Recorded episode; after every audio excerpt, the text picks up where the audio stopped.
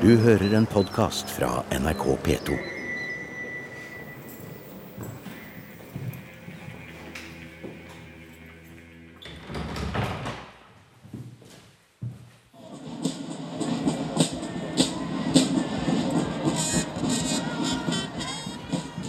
Sånn er lyden av 17. mai i Bergen. Byen er full av folk, og buekorpsene drønner gjennom gatene.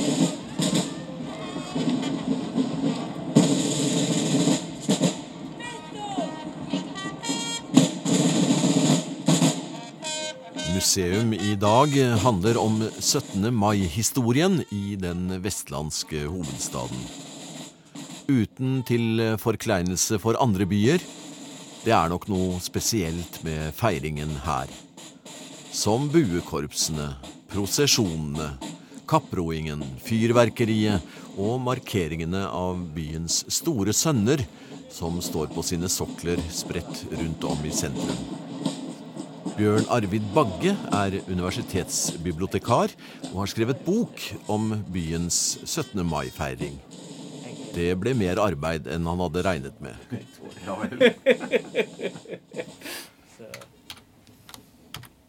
Når jeg begynte å skrive, så tenkte jeg å bare skrive om 17. mai. Men så, når jeg holdt på, så så jeg at 17. mai var egentlig knyttet veldig tett opp til eh, byens historie og opp til politiske ting som skjedde i byen, og opp til hvordan byen selv utviklet seg. Så, så det ble på en måte en det, si, Og da ville jeg jo gjerne trekke inn Ja. disse historiske tingene i eh, Sånn at vi fikk eh, 17.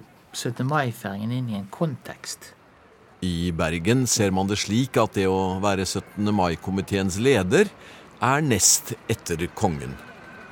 Nå er det Erik Nesgaard som er leder, og han sier at bergenserne er overmåte glad i tradisjoner og fest. En begravelse i Bergen er mye festligere enn et bryllup i Oslo.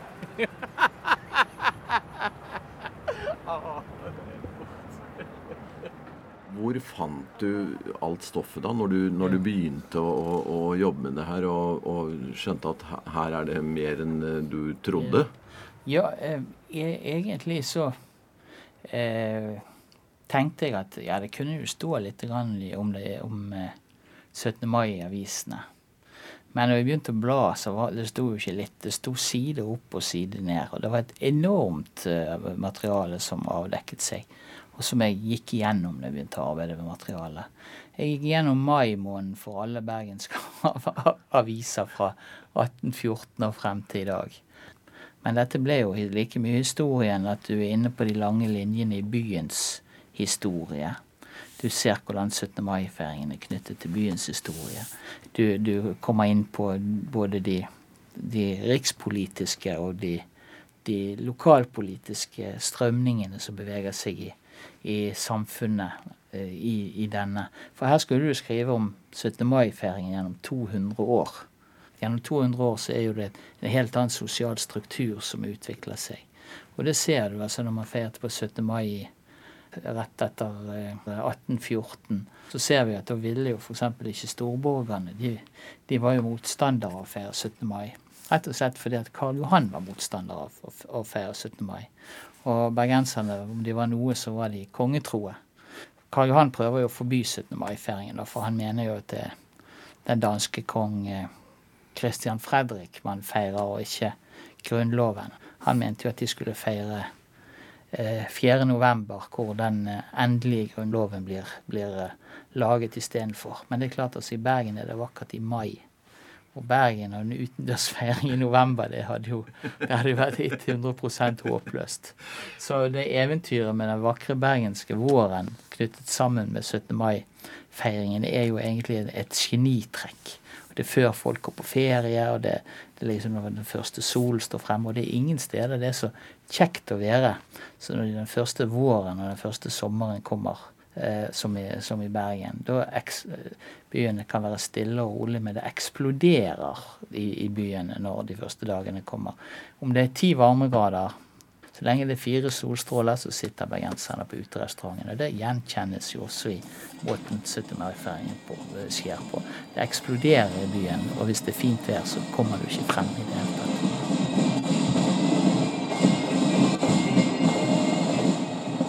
Bergenserne har eh, virkelig fått eh, fart på feiringen, men de kom egentlig ganske sent i gang. Trønderne var tidligere ute. Eh, ja, det er sant. Eh, bergenserne er jo eh, i utgangspunktet kanskje relativt konservative som folkeslag. I hvert fall var de i forbindelse med 17. mai-feiringen. Eh, trønderne startet 17. mai-feiringen allerede årene rett etter eh, 1814. Eh, de hadde 17. mai-tog, og det samme tendensene ser du i Kristiania. Men bergenserne de holdt litt igjen. Første feiringen egentlig som du registrerer, bortsett fra selvfølgelig rett etter at Grunnloven var kommet, eh, var, var blitt gjort kjent hvor det ble, feir, ble festet i de bergenske herreklubber. Så, så, eh, så, var det jo også en feiring i 1826 når man trodde at kongen hadde tillatt 17. mai-feiringen. Det ble jo en fantastisk feiring også i Bergen. Men eh, det var jo en misforståelse, for kongen hadde slett ikke villet at man skulle feire 17. mai. Kongen han Nei, det var stattholderen som hadde, ja, som hadde trodd det fordi han reiste utenlands? Ja, kongen var i utlandet, og, at, og da trodde da Sandels, som var stattholder, at han hadde gitt uh, tillatelse. Så dette endte jo med Kongen reagerte så sterkt at Sandels han måtte faktisk gå av fra, fra, jobben sin. Men dette var et sånn enestående tilfelle da, med, med 17. mai-feiring i Bergen. For bergenserne de var konservative som var inne på. Eh, Bergen var på en måte styrt av storkjøpmenn og, og, og embetsmennene på denne tiden. Og eh, ingen av disse ville gjøre noe som gikk på tvers av kongens ønske. Bergenseren var kongetro. Hva det sto i et sitat? Nær sagt uansett hvem som var konge. Eh, og, og eh, Først eh, når kongen begynner å slakke på dette med, med at det er ålreit å feire, så, så, begynner det å komme bevegelse mot at bergenserne skal feire. I 1833 så opphever kongen forbudet mot å rope hurra, så vidt jeg husker. Og i 1836 så, så blir det vel tillatt å, å, å, å feire 17. mai. 17. mai-komiteens eh, leder er eh, ankommet. Erik Nesgård er en blid og humørfylt mann. Vi skal ut i byen for å inspisere de viktige plassene i Bergens 17. mai-feiringshistorie.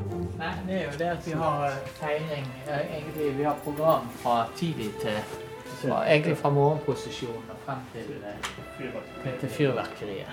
Og at det går fire tog. Det er, klart, altså, det er jo litt Fyrverkeri har jeg på en måte ikke i den lyse tiden eh, der, så ble jo det Da ble vi avslutta med fyrverkeri, det, er jo det eh, fantastisk. Men det er jo ingen som eh, Når på kvelden er det da? Eh, klokken 11.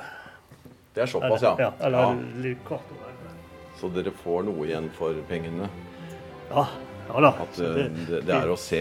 Det tennes lysbluss på byens fjell, og så går fyrverkeriet. Lysbluss på byens fjell? Ja, tenner Vardar. Vardeboll. Oh, ja. ja. Så det er en gammel tradisjon som vi har tatt opp de senere årene, som speiderne nå ivaretar. Hvor lenge har du vært eh, i 17. mai-komiteen, da? Jeg har vært med i 30 år, så det Det er en viktig funksjon her i byen? Ja, de sier så. så eh... det er bare kongen som står over.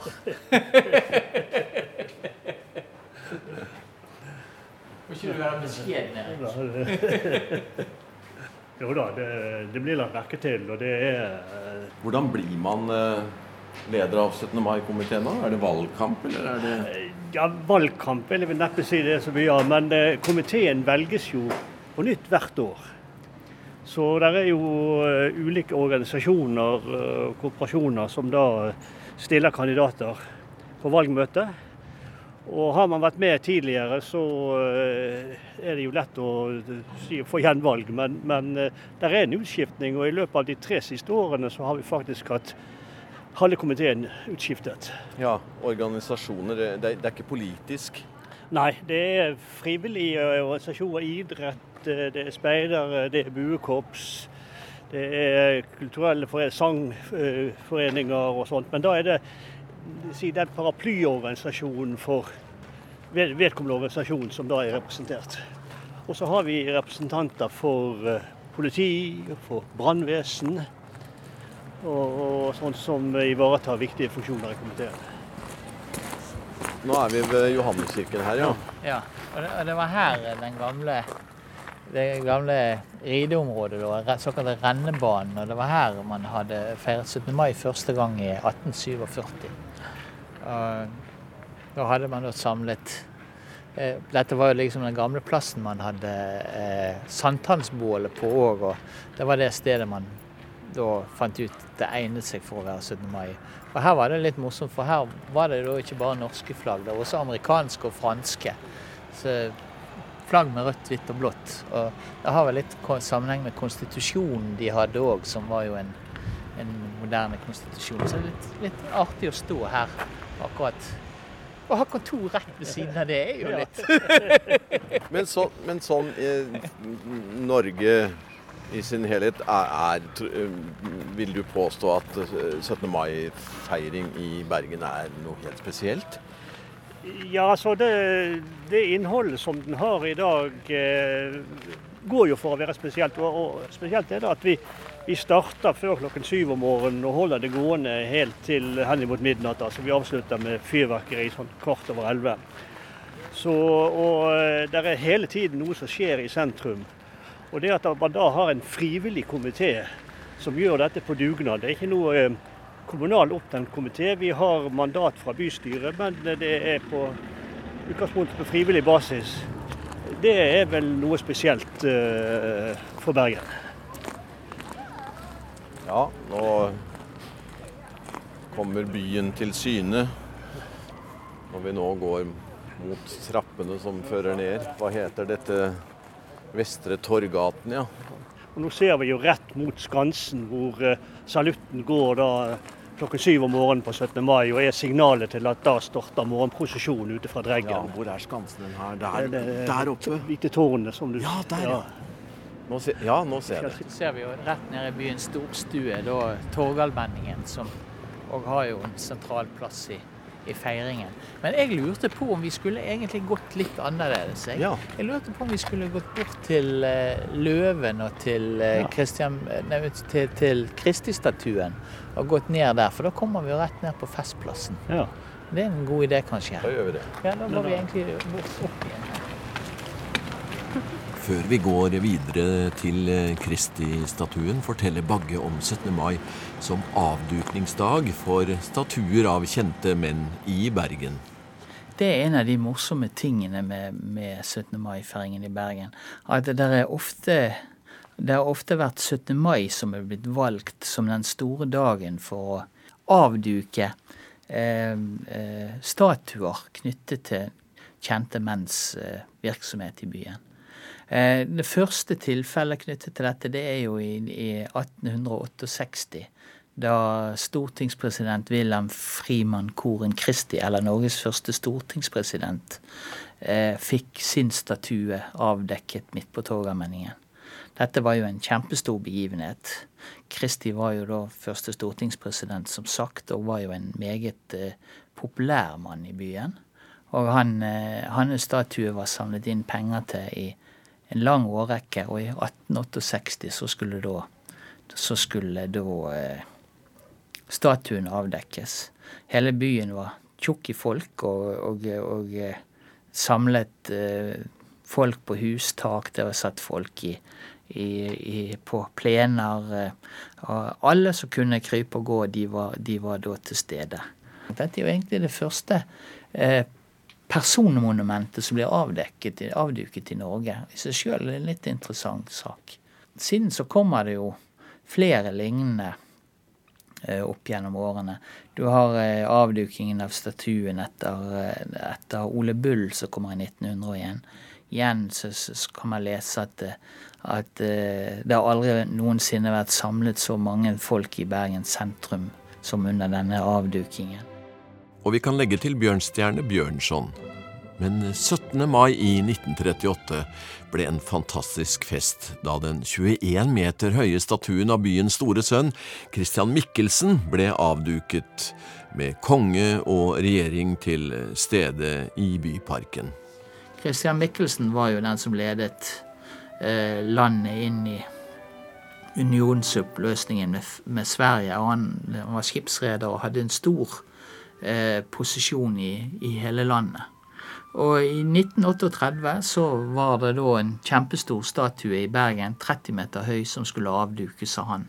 Så både regjeringen og Stortinget og kongen var da, eh, kom da til Bergen for å avduke denne, denne statuen. De kom med, med skipet Vega til, til, Bergen, fullt av alle disse båtene som kunne være med og seile, seilte rundt skipet inn eller til kai, på kaien, og det var svart av folk tidlig om morgenen når, når kongen kom. Det ble da feiret med en gigantisk folkefest på Festplassen. Og, og, eh, det sies at det var 50 000 mennesker til stede på Festplassen. Og der var taler da fra, eh, fra kongen, selvsagt. Kong Haakon. Flotte bilder av kong Haakon stram i ryggen og med sin karakteristiske danske aksent. Der er stortingspresidenten holder taler, statsministeren holder taler.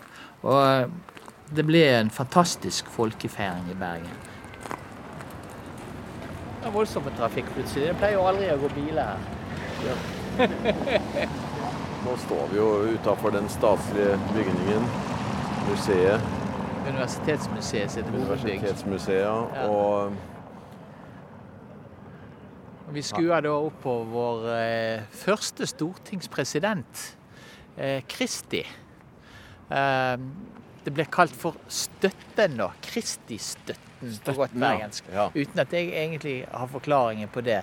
Den ble jo da avduket 17. mai 1868 til minne om eh, Kristi som var den første stortingspresidenten. Og det ble jo også sagt at det var takket være Kristi at vi fikk så mye med av Grunnloven inn i unionen med Sverige. Han hadde et godt forhold til Karl Johan. Så, så dette var jo en kjempemessig feiring da av i 1868. Og den gangen så ble jo statuen satt opp på, på uh, Torgallmenningen.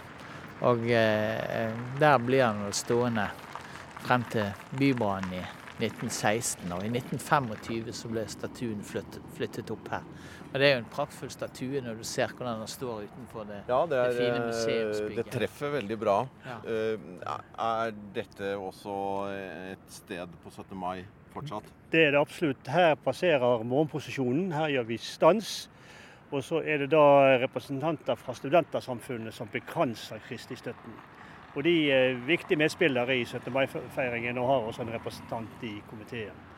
Så vi har et par steder underveis her, og så eh, stopper vi nede ved der hvor den legendariske 17. mai-komitéformannen Jon Lund bodde. Der eh, bekranser vi også når vi passerer. Ja, Hvem var han? Ja, Han var en alt mulig mann. Han var stortingsrepresentant, og han var Bergensbanens far og, og, var for uh, skipsfart og i det hele tatt en alt mulig mann. Men også da uh, 17. mai-komiteen i du vet hvor mange år. Helt til han døde, da også den som organiserte en av de store arrangementene i Bergen, nemlig Ole Bulls begravelse. Det at de da valgte 17. mai-komiteens formann til å arrangere den, det sier vel sitt.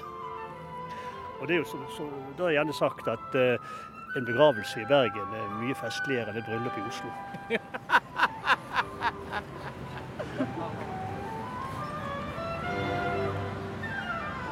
Jeg tenker at vi skal ta og gå ned på Festplassen nå, som er på en måte Ja, det er ikke langt hoved... dit? Nei, det, det, er to minutter å gå. Som er hovedstedet for 17. mai-feiringen i dag. Og for å vise hvor stor pris vi setter på Kristi, så er jo dette selvfølgelig Kristis gate vi går inn over. Ja. Kristi står på toppen, og gaten går ned til Festplassen. Eller passerer Festplassen bortsett fra eh, bekransninger av eh, kjente bergensere som nå står på søyle, er det andre veldig lengevarende tradisjoner dere ivaretar? Ja da, det er det. Blant annet så har vi her borte på Festplassen har vi klatrestenger.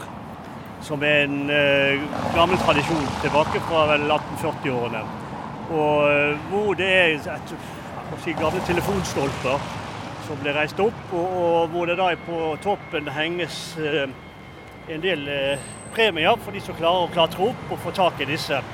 Tidligere så ble disse eh, klatrestengene smurt inn med grønnsåpe for å gjøre det ekstra vanskelig å klatre opp.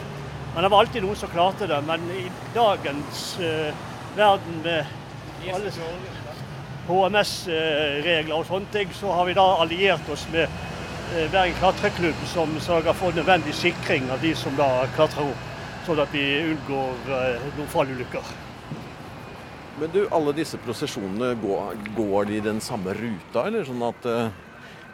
Ja, de to som da går starter ca. halv elleve.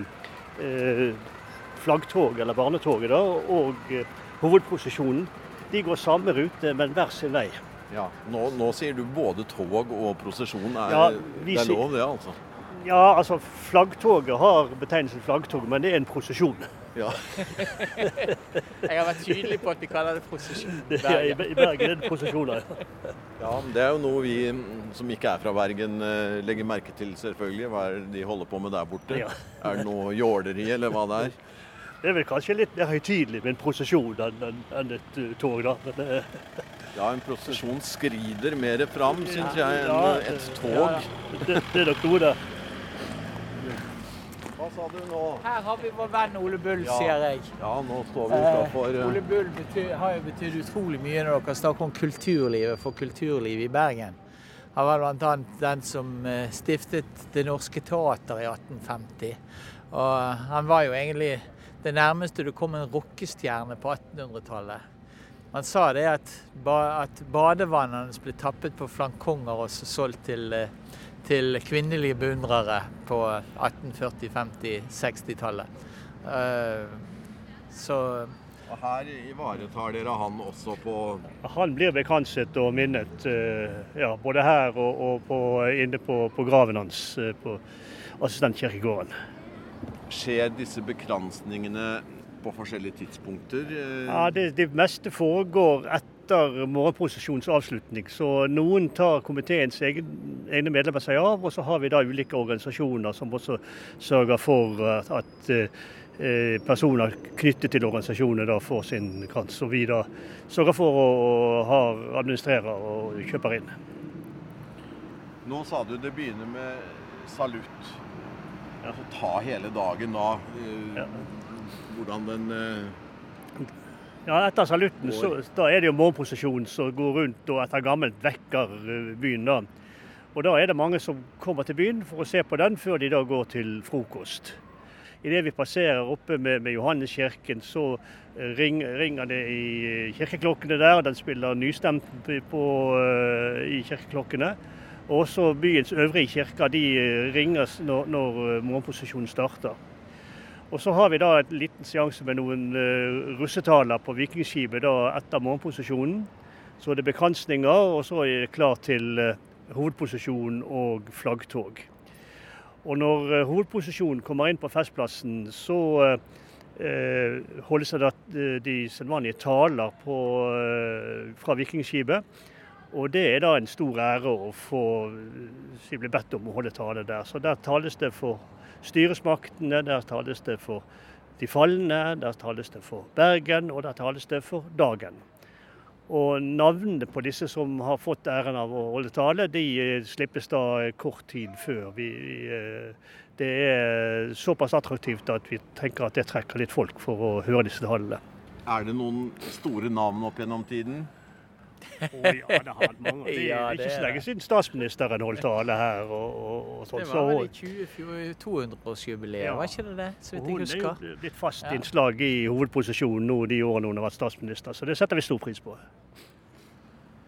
Nå er vi i, ved Vågen, eh, og her skjer det også eh, ting på 17. mai. Det gjør det. Er, først er det et yrende liv her, for det er jo veldig mange som har sånne lystbåter som kommer inn og legger seg til der på 17. mai, så du kan nærmest gå tørrskodd over Vågen.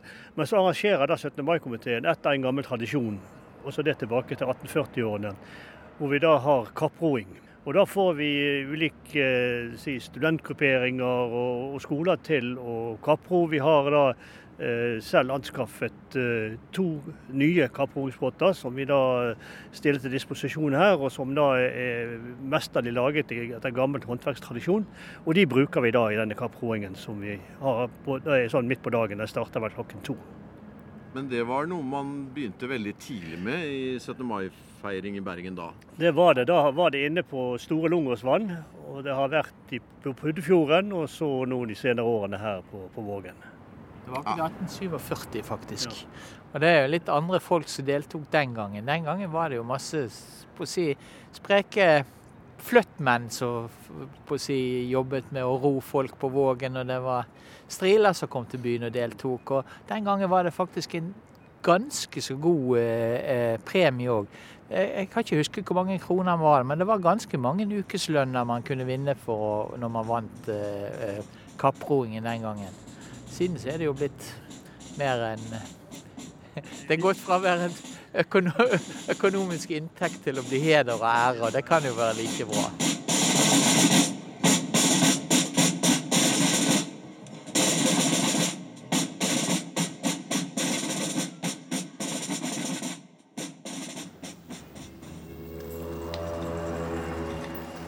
Du har hørt en podkast fra NRK P2.